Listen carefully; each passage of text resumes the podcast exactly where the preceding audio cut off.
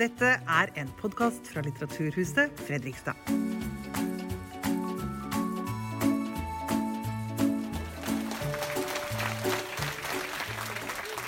I denne episoden skal du få møte Aftenpostens mangeårige sportsjournalist Mette Bugge. Hun er aktuell med boken 'Senior veien til et langt og lykkelig arbeidsliv'. I samtalen så møter hun Morten Fredriksen, administrerende direktør i Fredriksborg Eiendom. De diskuterer hvordan norsk arbeidsliv og arbeidsgivere skal legge til rette for den store bølgen med godt voksne arbeidstakere som nå kommer. Men ikke minst hva de godt voksne selv må og bør gjøre for å stå lenger i jobben, og trives med det. Vær så god. Jeg tenkte at jeg får starte med å ønske deg hjertelig velkommen til Fredrikstad, jeg også. Ja, det er veldig hyggelig å få lov til å være her. Ja, Du bor i Bærum, men er fra Sandefjord. Ekte sandefjording. Så Da er det hyggelig å se deg på denne siden av fjorden. Ehm, så hjertelig velkommen skal du være.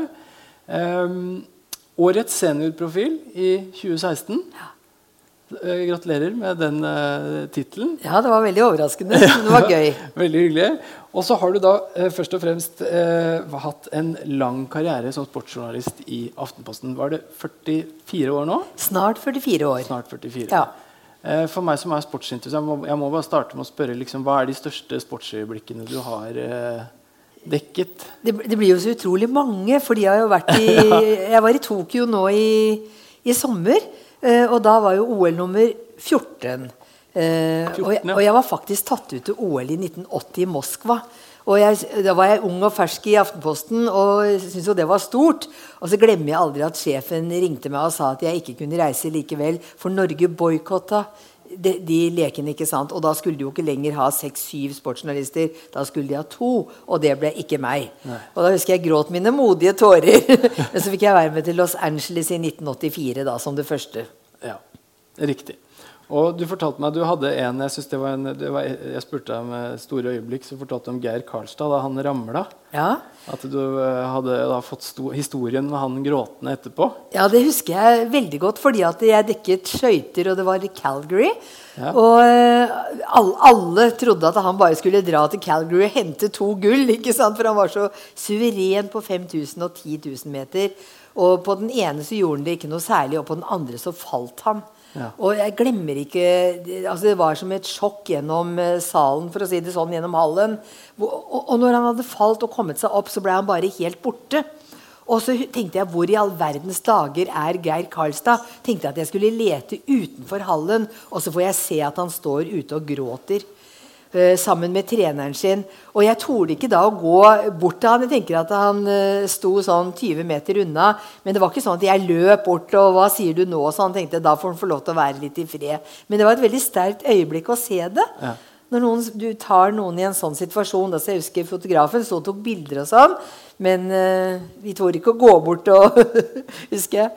Um, vi skal jo snakke om eh, seniorer eh, i dag, eh, Mette. Og så vil jeg bare si at sånn, jeg syns jo først og fremst at når du å ha vært 44 år på én arbeidsplass, det må jeg si å starte med det også si at det synes jeg er noe som vi som samfunn burde liksom heie mer på og, og på en måte bejuble. For det er, i dag er det så veldig sånn mote å bytte jobb. Så jeg syns bare gi deg stort kompliment for, for det også. Eh, og så har du da skrevet denne boken, 'Senior'. Eh, og det er jo et veldig sånn relevant og aktuelt tema i tiden. Og hvordan var det du kom inn på ideen? Hvorfor skrev du denne boka? Ja, jeg skulle ønske jeg kunne si at det var jeg som kom på ideen, men det var ikke det. For det var Cappelen Dam som kom på ideen. For de ringte meg etter at jeg hadde blitt kåra til årets seniorprofil i Norge på slutten av 2016. Og spurte om jeg kunne tenke meg å skrive bok om det å være senior. Og jeg tenkte sånn Å ja, så gøy! De spør meg! Eh, og så tenkte jeg det må jo være lett jeg som kan skrive. Men jeg har aldri tatt så feil i hele mitt liv. For det å skrive bok det var et veldig stort prosjekt. Jeg brukte fire år, men selvfølgelig så satt jeg ikke hver dag i fire år og skrev en bok. Men jeg øh, hadde full jobb, jeg reiste mye. øh, men har vel brukt ett år tenker jeg, på den boka, hvis jeg skulle si det sånn. Så, øh, og lærte jo etter hvert av at jeg måtte veldig dypt inn i materien. Det skulle jo ikke bare handle om hva jeg følte og mente og trodde. Jeg intervjua over 100 mennesker. Jeg var på masse konferanser, leste masse rapporter og måtte jo skikkelig sette meg inn i det emnet. Så det ble noe helt annet enn jeg faktisk hadde trodd uh, på forhånd. Men derfor så håper jeg og tror at den faktisk ble bra også, fordi jeg jobba veldig grundig da med den boka. Mm. Mm. Vi, senior som begrep, hvordan definerer du hva, hva er en senior? Ja, en senior altså Ofte så bruker faktisk så bruker noen det helt ned til 45 år som senior. Men stort sett så er det 50 år man regner på en måte at man er senior. Skjønt man kan gjerne treffe en seniorrådgiver som er 33 år. ikke sant? Er, de begrepene brukes jo litt sånn senior eh, et eller annet. Men vi, ofte så er det, det 50 år som er en, en, senior. Da har man på en måte vært noen år i arbeidslivet, og så har jo de fleste noen år igjen. Så man er veteran, eller man har vært lenge i arbeidslivet, da. Ja. Så det er vel litt det som er senior. Jeg slo meg, jeg er snart senior selv, faktisk. du har litt å gå på. Ja, nei, men jeg ja. syns det var tidlig. Men um, jeg, så, har, jeg, jeg, søkte litt på dette i, i researchen min her, og jeg ser at eh, hvis man skal altså, Det som jeg synes var interessant, var at definasjonen av eldre ja. den har endra seg veldig de siste årene. Eh, vi ser generelt at eh, du blir mer og mer voksen før du blir sett på som eldre. Men jeg syns fortsatt det var tidlig. da.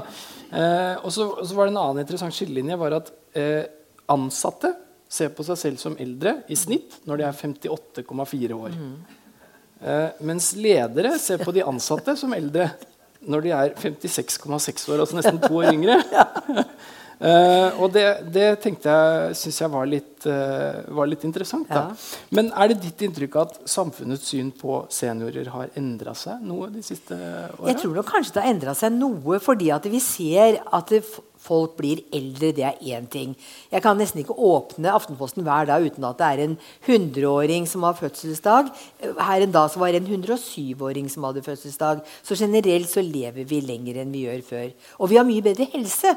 Og det er ikke bare noe jeg har funnet på, men det viser jo statistikkene at vi har en god helse. Så det vil si at vi er ikke liksom både slappe og daue og alt mulig når vi er i 60-åra. Liksom. Veldig mange er oppegående, de trener, de er i arbeidslivet. Så jeg tror at det synet på hva som er en 60-åring eller en 70-åring, for ikke å si en 80-åring, det har faktisk eh, endra seg litt. altså. Mm. Det er ikke noe stor forskning som jeg har bedrevet, men jeg føler litt at, at det er noe med det liksom, at vi den siste generasjonen da, eh, har, har, tatt av ti år. Altså at 50 er det nye 40, 40 er det nye 30. Ja. Eh, jeg liker i hvert fall å tenke at det er sånn. da. Ja, men det kan du, du, du, hold, du bør ikke tenke det engang, for det er sånn. Ja, Fordi at det er undersøkelser på det, ikke minst fra Sverige, som viser at eh, 70 er det, altså 50 70 er, gammeldags før er 50 nå, liksom. Ja. Og, det, og det som, jeg må fortelle en litt morsom historie. for det, det som Jeg oppdaga Jeg hadde jo holdt med mange år på litt sånn slanking, og sånn, og så var jeg på en sånn vekt sånn, som heter Tanita-vekt. ikke sant? Og da kan du gå, gå, på den, og så kan du måle hvor mye hvor, hvor, gammel, hvor, gammel kroppen din er. ikke sant? Du får et tall. Og så husker jeg så godt hun dama sa vet du hvor gammel kroppen din er. Nei, jeg vet ikke det. Nei, 51 år, sa hun, og da var jeg 66. Og jeg tenkte jøss, yes, kjempebra. Jeg hadde trent og jeg hadde gått ned i vekt. og alt det greiene der. Men da fant jeg veldig fort ut at det er sånn som du er inni kroppen din og sånn som du ser ut i ansiktet, det er to forskjellige ting. For da jeg skulle ta bussen hjem til Sandvika, som jeg bor, etter det første bussjåføren spurte om honnør ja. Og da var jeg 66, så jeg var vel egentlig ikke sånn ordentlig honnør. Men jeg orka ikke å si det, så jeg sa ja. Jeg er honnør. Ja. Du kom ikke med vekthistorien da? Nei, det hjalp nok ingenting. Det hjalp ingenting. Um, da jeg, jeg lest, har lest boken din, uh, Mette, en veldig god bok som jeg uh, anbefaler alle å lese. Det er jo et tema som, som, er veldig aktuelt, som jeg sa, og som kommer til å bli veldig mye mer aktuelt fremover eh, med eldrebølge osv. Og så syns jeg det var interessant, fordi min forventning da jeg leste boka, var at jeg skulle lese en bok om på en måte seniorers fortreffelighet, og hvor eh, flinke seniorer var, og hvor, hvor, hva de har å bidra med. Men så slo det meg jo at dette er jo vel så mye en bok om ledelse, egentlig.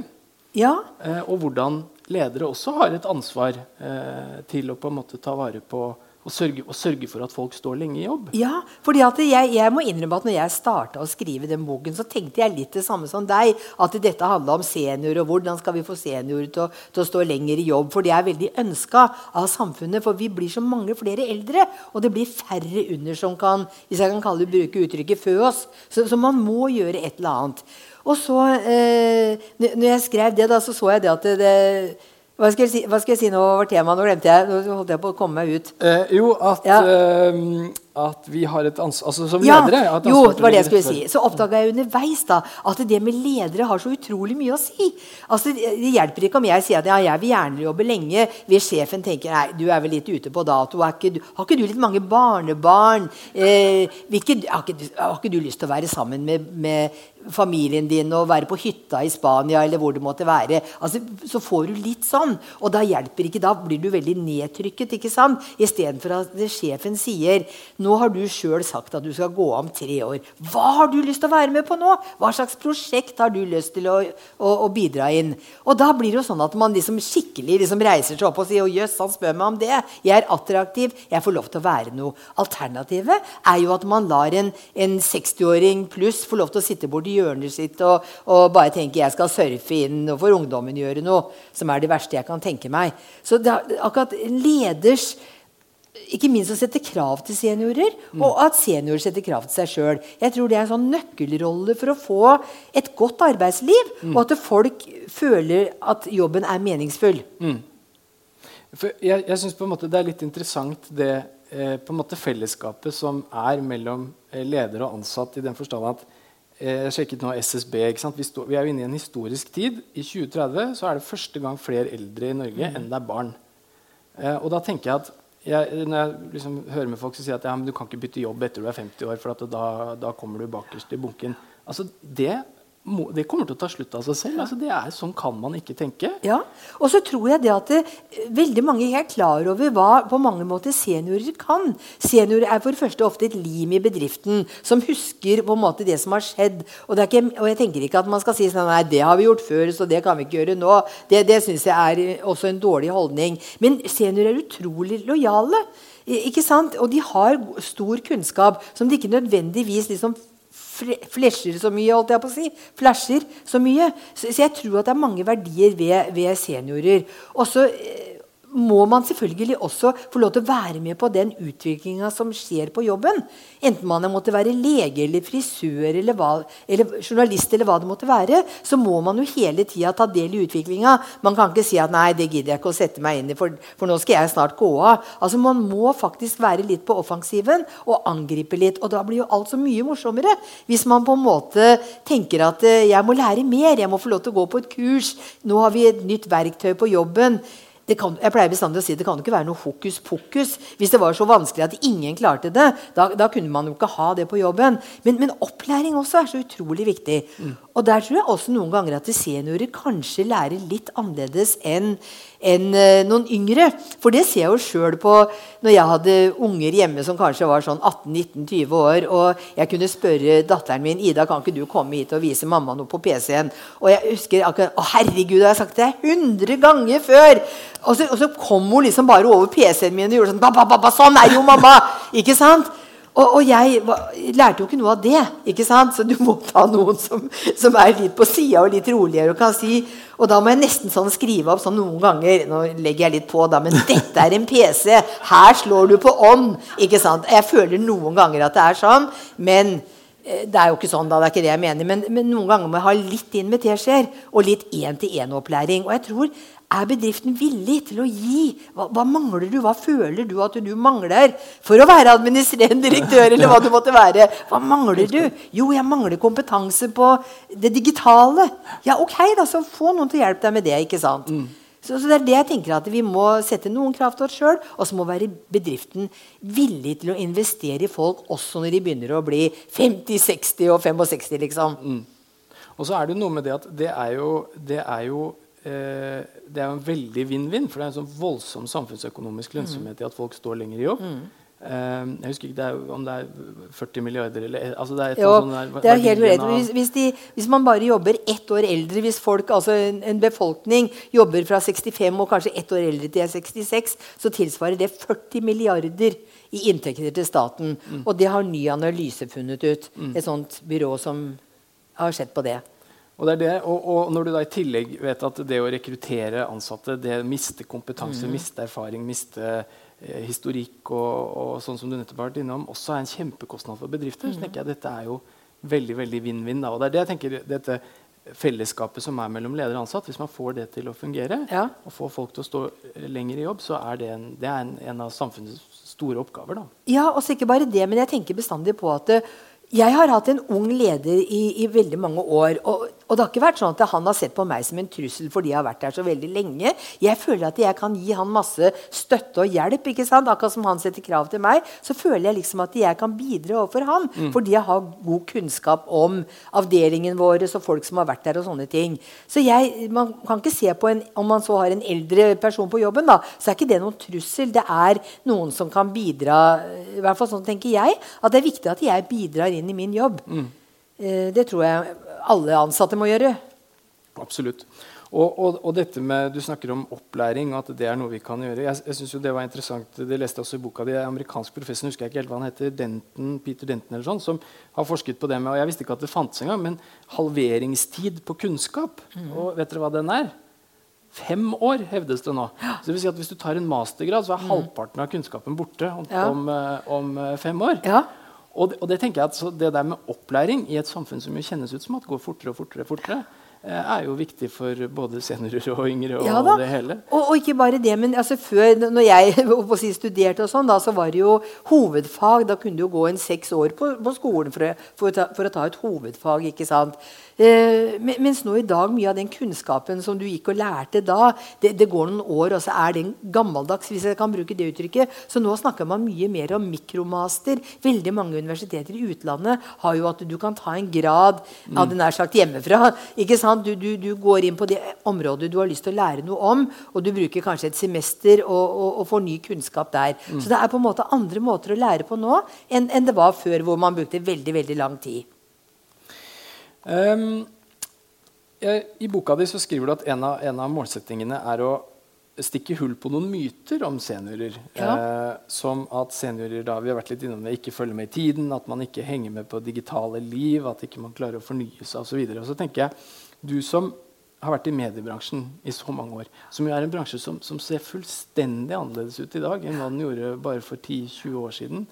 Eh, hvordan har du klart å henge med på den teknologiske utviklingen som har vært i den bransjen? Ja, eh, jeg var så heldig å komme med på noe som heter et spydspissprosjekt i Aftenposten. når vi skulle løfte oss digitalt. Fordi Vi har jo vært en tradisjonell papiravisbedrift, hvis jeg kan si det sånn. Og så kom en ny toppsjef inn som sa at vi må løfte oss på det digitale. For det er det som kommer nå. Og min sjef på Sporten da sa at jeg vil ha deg med i spydspissgruppa. Og da var jeg 62 år. Eh, så, og det er noen år siden. Så eh, da fikk jeg lov til det. Og lærte så veldig mye om hvordan man skal skrive og finne saker i våre dager og sånne ting. Og, det ble et veldig løft for meg. Sånn, aha, er det, er det sånn det er på mange måter? Og det var jo ikke annet enn at vi hadde inn studenter som vi spurte eh, hva syns dere om Aftenposten. Hvorfor leser dere ikke Aftenposten på det digitale? Og, vi fikk masse tips om hva vi på en måte gjorde feil. Så du lærte så veldig mye av det. Og, og da jeg noen, var jeg den som en av de få Eller ikke få, men det var en av tre journalister som hadde lest, best leste saker i Aftenposten. Uansett stoffområde. Og det ble jo en veldig sånn boost. Men, men jeg fikk lov til å være med. Det var ikke sånn at nei, du er for gammel, så, så du skal bort der. Men vi må heller få noen unge som er fremtiden, liksom. Så, så det, jeg synes var fantastisk at vi fikk lov til å være med på det. Og, og, og bidra for andre journalister da som ikke akkurat var i den spydspissgruppa. Da, for da var det én fra hver avdeling som fikk lov til å være med der. Og det ble en øyeåpner. Jeg tenker at Hvis man er så heldig eller er offensiv og har lyst til å være med på ting, jeg tror man skal melde seg på og tenke dette har jeg lyst til å lære. For alt er mye lettere hvis du, hvis du lærer. Og det er så masse eksempler på det som jeg oppdaga underveis i boka. fordi at det, jeg, jeg, vet om eh, Jeg kom til en, en kiropraktor en gang. Og, og, så husker jeg sa til han at jeg skrev den boka. Og så fortalte han meg følgende at det var en mann som hadde kommet inn. Han hadde så utrolig vondt i ryggen sin. Eh, og da spør kiropraktor nå har du løfta feil nå da, som du har så vondt i ryggen. Og så sier den godeste nei, nei, nei, det hadde han ikke gjort. Ja, da har du åla deg inn i bilen for å hente noe bak. da, Og så har du liksom fått kikk. Nei, han hadde ikke gjort noe. Og så sier kiropraktoren følgende men da har dere fått nytt PC-system på jobben. Et nytt eh, informasjon motivasjonssystem. Ja, det hadde de. Og han hadde høye skuldre, for han grua seg så veldig til å gå på jobben hver dag. Og det forplanta seg liksom i hele kroppen. Mm. Og sånn blir det hvis vi føler at vi løper etter alle andre som kan det her. Eh, at vi ikke liksom behersker det systemet de har på jobben, da, for, for hva det måtte være. Så jeg tror at opplæring tror jeg er veldig vesentlig her. Fra ledelsens side at man på en måte er villig til å spørre folk hva føler du at det er noe du trenger av kompetanse. Hvordan kan vi best mulig måte få lært deg det, istedenfor å bare si nei, får, nå har du tre år igjen, du får sitte borti kroken der, og så du, skal vi andre kjøre løpet, liksom. Mm. Og det er i hvert fall ingen tjent med. Mm. Og det, jeg må si det er veldig imponerende å lese om uh, du, du, forteller jo mye om din egen karriere, og, og jeg synes jo uh, den, det, er, det, er, imponerende å lese om den holdningen du har til det å utvikle deg og bli bedre og lære nye ting og, og liksom den stå-på-viljen. Og litt den ydmykheten for å, liksom prøve å være med i tiden. Ja. Og det, det syns jeg er utrolig imponerende. Jeg, jeg, jeg snakket med en, eh, en, godt voksen mann jeg kjenner, som, som, som har hatt en fantastisk karriere. og så, så synes jeg han, så, han, fort, han, liksom har, han, skrøt så lite. Og så sa han jeg er veldig var på det. sa han, at The older I get, the better I was. Mm. Uh, og det tenker jeg at uh, det er noe i. da. Ja. Uh, og, og derfor opplever jeg at det du har den liksom, ydmykheten du har til å, å, bli bedre og utvikle deg i jobben, syns jeg er eh, fascinerende å lese. Ja, og så tenker jeg det at eh, jeg, jeg, har vært, jeg har nesten bare jobbet med gutter i alle år. For på Sporten i Aftenposten har jeg vært den eneste jenta i alle disse årene. Bortsett fra noen som har vært sommervikarer og sånn. Men, men og nå er det jo mange unge. Og jeg sier jo selvfølgelig ikke at, at, det skal bare være gamle eller bare unge. Akkurat den miksen av forskjellige aldre, der tror jeg også vi har så utrolig mye å tilføre hverandre. Mm. For, og jeg er ikke redd for å spørre de unge gutta du, nå er noe jeg lurer på liksom, hva, hva, hva, gjør jeg nå? Og som regel er det jo ikke vanskelig, hvis jeg bare får vist hvordan det er. Men så kan de komme og spørre meg du, jeg får ikke tak i den og den, kan ikke du ringe, Mette? Og når jeg ringer, så tar de telefon. fordi at da ser de at det er meg, jeg som ringer fordi jeg har prata med dem mange ganger ikke sant? og kan sende en melding. 'Hei, Mette her. Har du tid til en prat?' Så jeg får tak i dem da. Fordi jeg nettopp har det nettverket jeg har, som det tar mange år å bygge ut, kan du si. Mm. Mm. Um, før vi forlater det med myter, så må jeg bare si en annen ting som jeg, uh, som jeg syns var interessant i boka. Det var jo dette uh, Det er forsket på slitenhet, leste jeg faktisk. At uh, i hvilken aldersgruppe er mest sliten. Ja. Det, det, det, var jo en, det, var jo også for øvrig en myte. For de, de, minst trøtte ja det er altså de mellom 67 og 74 år. Ja, Er ikke det litt rart? Men, men, det har sin forklaring. For alle, alle, husker som har hatt barn og vært i det kjøret med å skynde seg hjem fra jobben for du skal hente i barnehagen, ikke sant? og så skal du ut på, på, fotballtrening eller judo eller hva det måtte være. Det er et himla kjør. Så mange småbarnsforeldre er jo veldig slitne. Ja. Og, og, og, du kan jo Ja, men det er sant. Det vet jeg alt om, for å si det sånn. Ja, ja. Og, og, ikke bare det, men altså, noen ikke sover og står opp tidlig om morgenen. Og, og sånn. Men når du blir så voksen som det jeg er Jeg har barnebarn. ikke sant? Men da er det jo sånn at det er jo, det er jo bare meg og mannen min hjemme. hadde jeg nær sagt. Så vi kan jo gjøre som vi vil. Og det er et litt annet liv, altså. Så Har du syke unger, så må du selvfølgelig være hjemme fra jobben. Men stort sett så har vi god helse, og vi kan gå på jobben. Eller som nå, da være hjemme på kontor. På hjemmekontor. Jeg, de nest minst trøtte, da, det, når, det, er da de fra 75 til 85 år. Så, ja. så, hvis man bare skal liksom basere seg på trøtthet, så, ja, så, er du mer interessant enn meg. Da, ja, si det sånn. så, men det er nok liksom det myter. Jeg tror vi alle er et offer for myter. Det tror jeg i veldig mange sammenhenger. Og som Jeg, jeg prata litt med han på forhånd, så sa jeg at hvis, når du er 20 år, så syns du en 40-åring er en olding. ikke sant? Og så blir du 40 år, og så syns du 60-åringer de er jo helt ute på dato. liksom. Og så blir du både 50 og 60, og så føler du deg jaggu som en tenåring, altså, for å sette det litt på spissen. Ikke sant? Du tenker tenker at ja, men inni er jeg jo liksom litt den samme. Og så ville jeg jo vært blind hvis jeg så jeg ikke hadde forandra meg i ansiktet. Men, men allikevel så Jeg føler at det er sånn altså at vi de, Veldig mange føler seg mye yngre enn det de, en alder skulle tilsi. da. Ja. Det, det, hører jeg for så vidt mange si. Ja. At liksom, jeg, kroppen blir eldre, ja. og, men jeg føler meg mm. ikke, ikke samme alder uh, i hodet. Um, du nevnte i stad at du, med, jobbet med mye gutter og yngre mennesker osv. Og, og så vet jeg jo det eh, at eh, som journalist så er det jo eh, en veldig konkurranse. Både internt, men også mellom andre aviser og andre mediehus. og sånn, For å få de beste historiene. Ja. Og jeg snakket litt med Roy her, som har jobba som journalist. Han sa at det der er knalltøft. Ja. liksom. Mm. Og hvordan, eh, hvordan har du eh, stått, eller hvordan har du stått i den konkurransen? Hvordan tak, har du takla det at liksom, unge folk puster deg i nakken? da? Eh, Ja, jeg, jeg har ikke tenkt så mye på det. For det jeg har lagt merke til, det er det at når du blir eldre, så blir du så mye tryggere. Jeg stoler så mye mer nå på at jeg har gode historier. Ja. Og så tenker jeg får bare blåse opp i hva VG og Dagbladet og NRK og sånn har. For jeg vet at jeg har gode historier. Eh, Ikke sant? Så jeg må bare rett og slett eh, si, dundre på med det. Eh, Mens jeg når jeg kanskje var litt yngre og vi var la meg si, på hoppuka, og jeg så VG prata med en eller annen hopper sin, å, jeg må bort og prate med han, for nå prater jo VG med han, da har de sikkert en god historie. Men sånn tenker jeg ikke i det hele tatt nå. Man er for det første mye mer forberedt når man drar ut på store arrangementer. Sånn som når jeg var i OL nå i Tokyo, så, så hadde jeg masse historier med meg i bagasjen som jeg hadde intervjua folk hjemme lang tid i forveien. Men når du kommer til OL da, så må du bare freshe opp de historiene og spørre kanskje på en kamp eh, om litt om hvordan det var. og sånn og sånn, Men du har egentlig den gode historien i bånn. da. Du har den med deg. Så det er helt andre måter å jobbe på enn det var før. altså. Så, mens før kanskje vi bare dro ut og tenkte hva fant vi? Vi fant jo alltids noe bestandig, men vi hadde mer, bedre tid kanskje også til å intervjue dem der og da. Nå er det jo sånn at du får bare litt kort tid før de skal videre, og så må de skynde seg å få skifta og komme seg videre. og alt det der. Så det har jo også veldig forandret seg.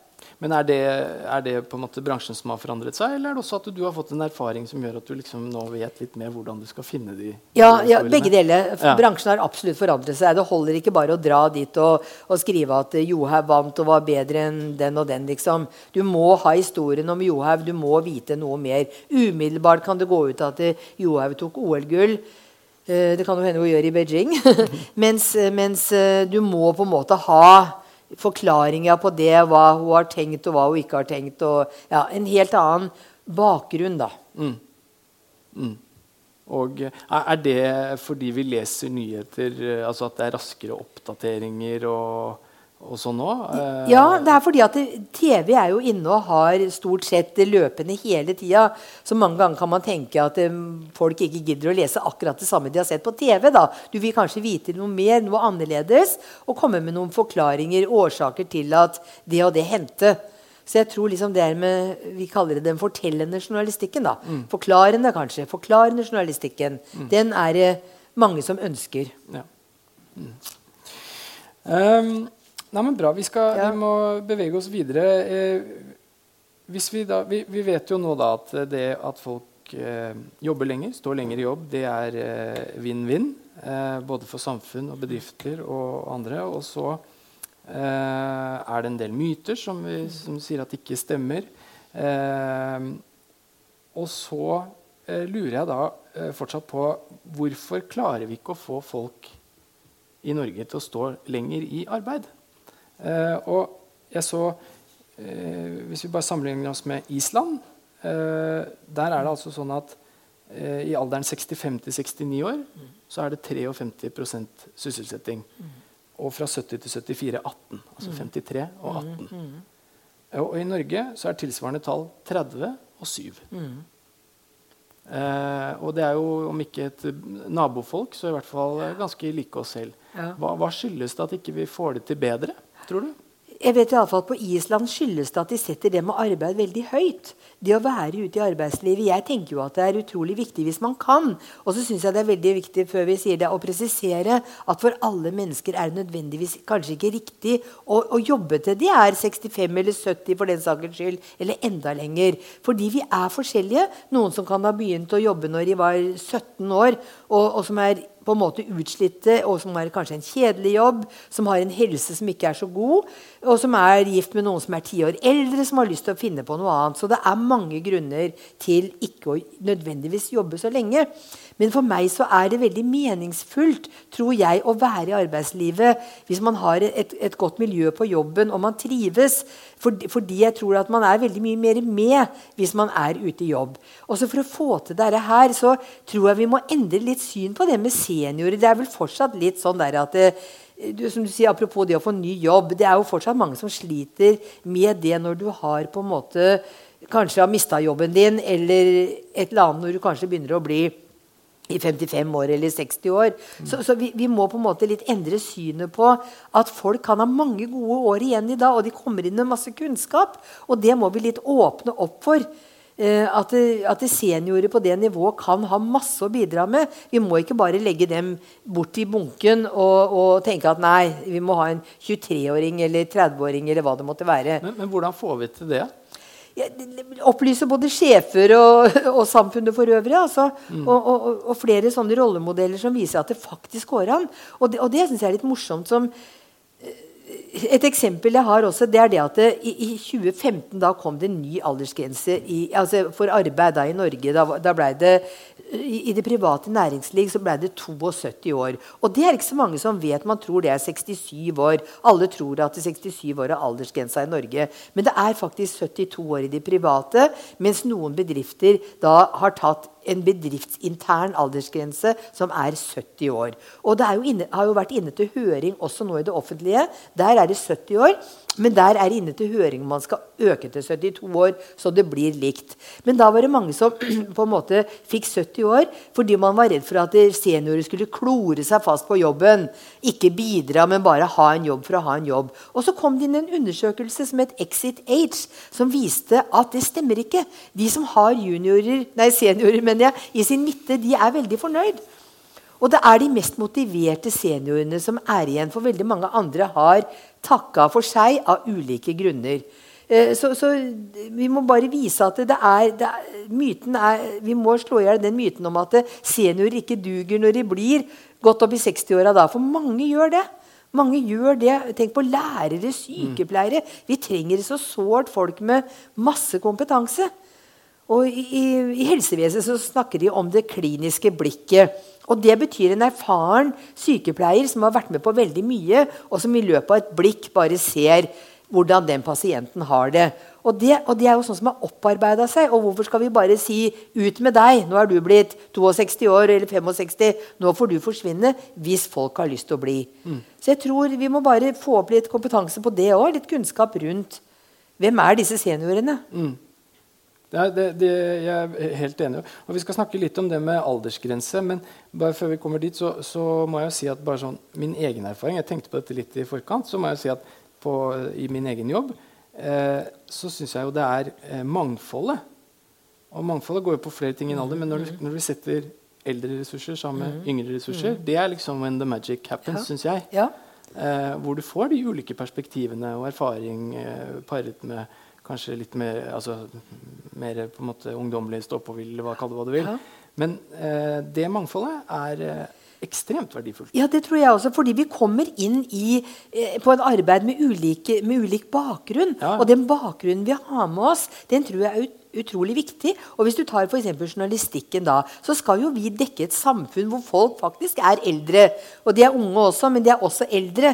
Og det er jo, jeg, jeg tror at kanskje en eldre journalist har større forståelse for å, for å dekke mange ting som handler om eldre også. Mm. Eh, så jeg tror at det bakgrunnen vi har, det, den, den, betyr veldig mye. Og den livserfaringa. Mm. Og så kommer noen andre inn med andre ting og, og, og ny, annerledes kunnskap. Og det sammen tror jeg også veldig på at det ville vært kjedelig hvis alle var 25 år og hvis alle var 70 år på en arbeidsplass. Det kunne jo heller ikke gå.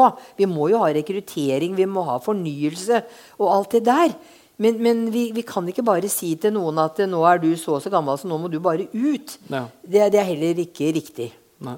Jeg, jeg synes jo ja, Hadde vi bare vært 30-åringer på jobben hos meg, så tror jeg det hadde gått ordentlig gærent. Ja. men, men jeg, jeg, bare sånn liten, sånn, jeg tenker litt på det som Hvis man tar en sånn sportsanalogi uh, uh, Litt som når jeg hører Ole Gunnar Solskjær snakker om å sette sammen laget sitt. Mm -hmm. Hvor du hele tiden må liksom fylle på med yngre ressurser, sånn som du har fremtiden foran deg, men du må pare det med eldre spillere ja. som vet hva som skal til, og som kan lære opp de yngre til hvordan kommer du hit hvor jeg er. Ja. Og det tenker jeg det er litt uh, For meg har jeg liksom tenk, begynner å tenke mer sånn. da. Ja, Liksom, og så tror jeg det at man også må lære opp eldre til å ikke å liksom sitte sånn Nei, det skal ikke du få vite, for det har jeg brukt 30 år på å lære meg. Altså må man faktisk dele kunnskapen sin. Og det tror jeg heller ikke eldre er så veldig redd for. Jeg tror at når man blir eldre, så er det ikke så nøye om man er den eneste ene som kan dette. Det må jo være utrolig hyggelig hvis man kan bidra til at andre mennesker vokser. Ja. Hvis man kan få noen yngre til å heve seg og lære noe nytt, så er jeg overbevist om at man får noe tilbake også. Eh, hvis jeg hjelper deg, så tror jeg du hjelper meg. Ja. Hvis jeg lurer, lurer på et eller annet. Så jeg tror at den der, å dele, delingskulturen tror jeg også er utrolig viktig på en jobb. For vi, vi kan litt forskjellig alle sammen, og da må vi på en måte legge det i potten, sånn at det til sammen blir bra. Og verdsette det Ja, mangfoldet. ja. Um, dette med, vi vi toucha innom dette med aldersgrense, og det, det må vi snakke litt om. Fordi det er jo, som du, du var inne på systemet, det er 72 år. ja. Stort sett i det private, og så er det 70 i hvert fall i staten. Um, og så har vi jo hatt en del saker de siste årene uh, med da mennesker som har lyst til å jobbe lenger, men som tvinges til å gå av. Ja. Uh, Karen Marie Ellefsen var Ja, vel eh, tidligere ja. kollega der. Ja. Litt, uh, Arne Skeie også. ja, Ja. han Mediås, uh, økonomi Han gikk vel til sak mot NRK og tapte. Eh, og jeg syns akkurat det med aldersgrense er, synes jeg, er et vanskelig spørsmål. Ja. Eh, og spørsmålet mitt til deg er bør vi ha det? Altså skal man, bør det være en aldersgrense i arbeidslivet? Jeg, jeg syns også det er vanskelig. Jeg må innrømme det. Og, og, men det er land som ikke har, har aldersgrense. USA har ikke det. Nei. USA har ikke aldersgrense. Eh, så, så det går faktisk an. Og, og flere andre som ikke jeg kommer på i farta. Men USA har jo en veldig mye mer liberal ansattpolitikk. da. Ja, For det er klart Ansattevernet i Norge er ja, jo vesentlig sterkere. sterkere Ja da, det har du rett i. Ja, det er helt enig i. Så det, så, så det, men, jeg, men jeg tror det kanskje vi, vi tvinger seg litt på at man høyner aldersgrensen fordi, nettopp fordi man lever lenger. Mm. La meg si at du har gått av alder, på jobben når du er 62 år, og så lever du til du er 100. Det er ganske mange år utafor arbeidslivet, det. Mm. Og hvis du da i tillegg er, er sprek og ikke sant, oppegående, kunne, så, så kan det hende at noen ditt angrer seg også på at de gikk av så tidlig. Og, og det, det jeg prøver ofte å si noen ganger jeg, som jeg sier, jeg mener ikke at alle folk skal jobbe kjempelenge, men jeg tenker at eh, man skal tenke seg om. Det er det eneste jeg tenker før man går ut av arbeidslivet. Fordi at du går ut som 62-åring, så får du lavere pensjon. Og så er det mange som jeg har hørt om, som har gått har slutta i mai og syns det er fantastisk å få en hel sommer. De har kost seg, de har hatt det så fint. Og så kommer november, oktober-november, og så syns de det er helt grusomt å ikke ha noe, en, en jobb å gå til. Jeg, jeg tror jo at det å ha en jobb å gå til, det holder oss å si, psykisk sterkere enn hvis vi ikke har noen jobb å gå til.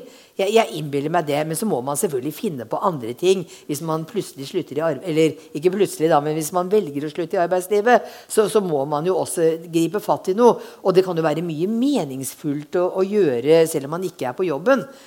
Type frivillig, frivillig Å være frivillig et sted. ikke sant? Besøksvenn. Være Ja, hva som helst. Og det er jo mange andre muligheter også. Men, jeg, men for meg, så, så lenge jeg kan, da, og får lov, så vil jeg nå komme til å, til å jobbe. Ja.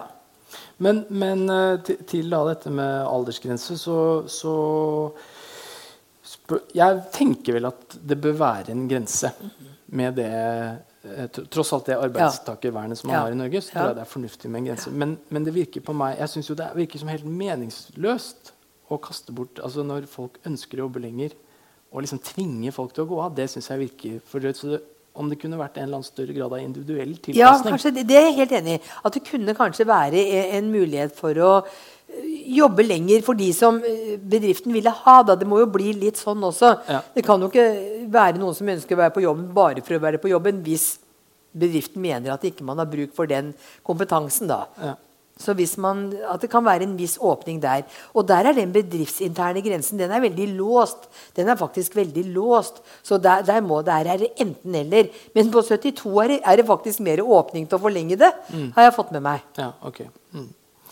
Um, jeg tenkte vi skulle avslutte litt med å snakke om uh, For det, det kommer jo en tid hvor man skal slutte å jobbe uansett. Så vi skal snakke litt om det helt til slutt. Uh, så, uh, men, men før vi går dit, så, så tenkte jeg at uh, boken din eh, heter jo da 'Senior', og så er det undertittel 'Veien til et langt og lykkelig arbeidsliv'.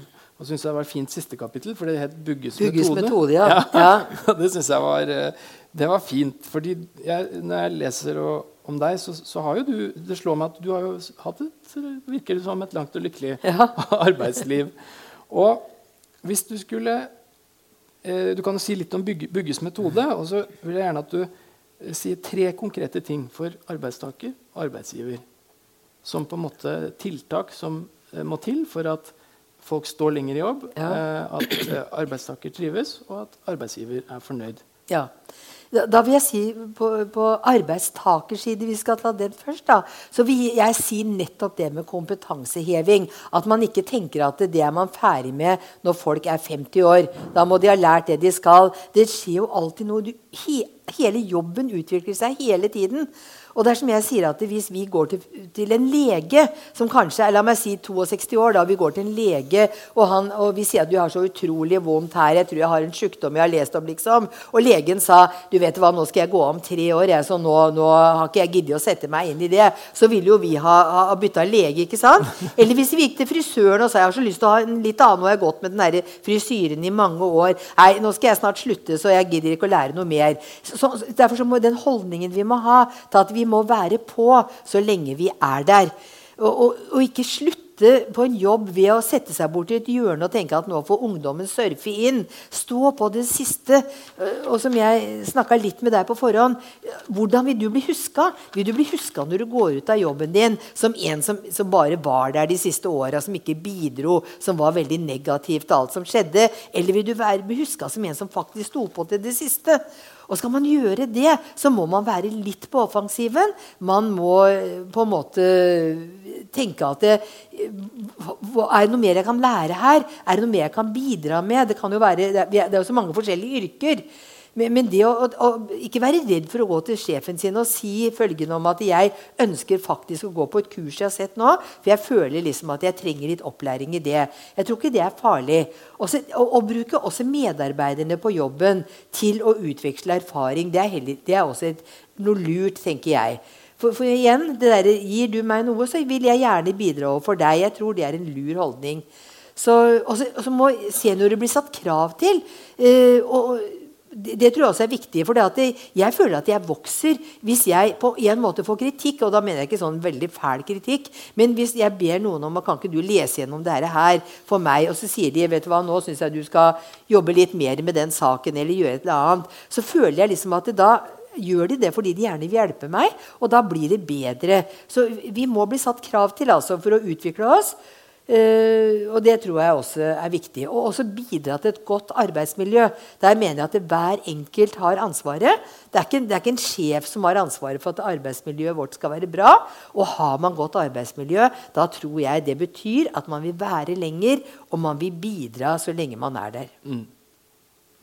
Så hvis jeg skal oppsummere, så er det eh, kunnskapspåfyll hele Ja, tiden å viktig. være relevant. Eh, ettermæle. Altså, Ja. Det er mye god motivasjon å bli husket eh, som en positiv Ja, ja, kraft. Eh, og kunnskapsdeling. Og så på arbeidsgiversiden stille krav. Verdsette erfaring og kompetanse Ja. og osv. Og så et godt arbeidsmiljø. Ja, Og er det dette da som er i sum Bugges metode? Eller? Ja, jeg lurer på om det var kanskje enda noen flere punkter der. Men, men, eh, men du kan vel si det. Eh, være litt på offensiven uten at man skal liksom være verdensmester, og her er jeg, og ja, hør på meg, og sånn. Altså, være litt på offensiven og ikke være jeg tror mange seniorer de, de kan masse, og så er man så redd for å vise det fram. Men, men hvis man spør og man vet, så, så kan folk veldig mye. Eh, fordi man har vært her lenge, og man har sett eh, Mange bedrifter har jo til og med henta inn folk som har slutta, for det var bare dem som kunne Når systemet gikk helt ad undas, så var det bare de som hadde vært her lenge, som kjente det gamle systemet og kunne få i gang bedriften igjen. Så, så jeg snakka også med folk som har blitt henta inn igjen bedrifter fordi de satt på sånn nøkkelkompetanse. Så mange har også den nøkkelkompetansen som man eh, må vise verdsette, da, kan du si. Jeg, det, er- jeg har en svigerfar som har jobbet i industrien i mange år. og Han har gått av med pensjon. Men når det virkelig brenner, når det er ordentlig krangling med noen kunder, og det har gått ordentlig gærent, da henter de inn han. Ja. da kommer han inn og rydder opp. Det syns jeg er helt utrolig fint. Ja, det er flott.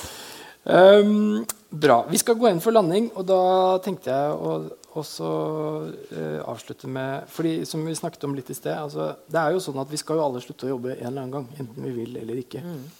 Og eh, hvordan er det altså Bugges metode på tiden etter jobb? altså hva skal man gjøre når du da går inn i pensjonisttilværelsen? Hvordan skal man få et, eh, en god og lykkelig og lang eh, pensjonisttilværelse? Jeg tror det er viktig å engasjere seg før man har kommet så langt. Altså for meg så er det veldig, Jeg har alltid vært i idretten da. Eh, og, og, deltatt og vært trener og har vært redaktør for klubbavisa ikke sant, og sånne ting. Og, og skaffe seg et nettverk før den dagen man på en måte slutter. Eh, sånn at man har noe å gå til. og Det, være, det, er, jo ganske mange grupperinger rundt omkring. Fra Røde Kors til å være som jeg sier, besøksvenn til å gjøre mange ting.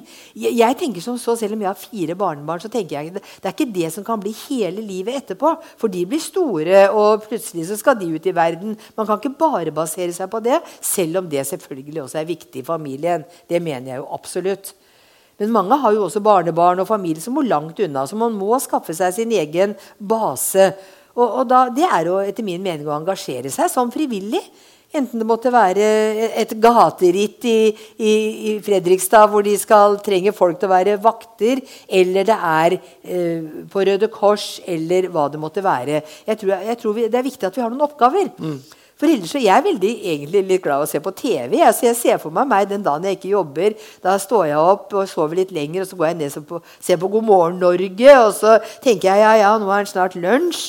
Ikke sant? Jeg er, så, jeg er, litt redd for at det skal bli litt sånn. ikke sant? For, jeg, for jeg, jeg, tror det er lurt å holde på en stå opp om morgenen, ha noe å gjøre og sånne ting. Mm. Det tror jeg er utrolig viktig. altså. Mm.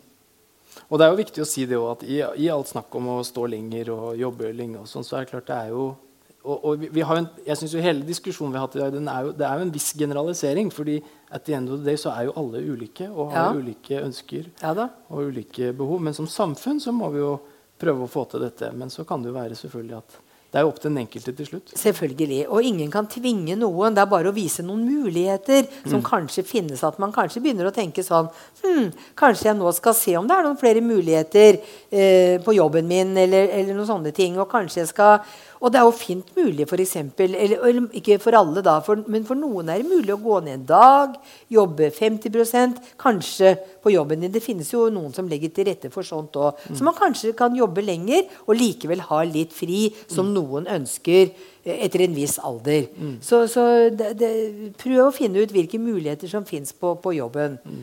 Kanskje er det mer, flere muligheter enn man tror, da. Uh, Mette Bugge, tusen hjertelig takk for uh, en hyggelig prat og en flott bok, og at du tok turen uh, til Fredrikstad. Veldig hyggelig å snakke med deg. Du har nå hørt en podkast fra Litteraturhuset Fredrikstad.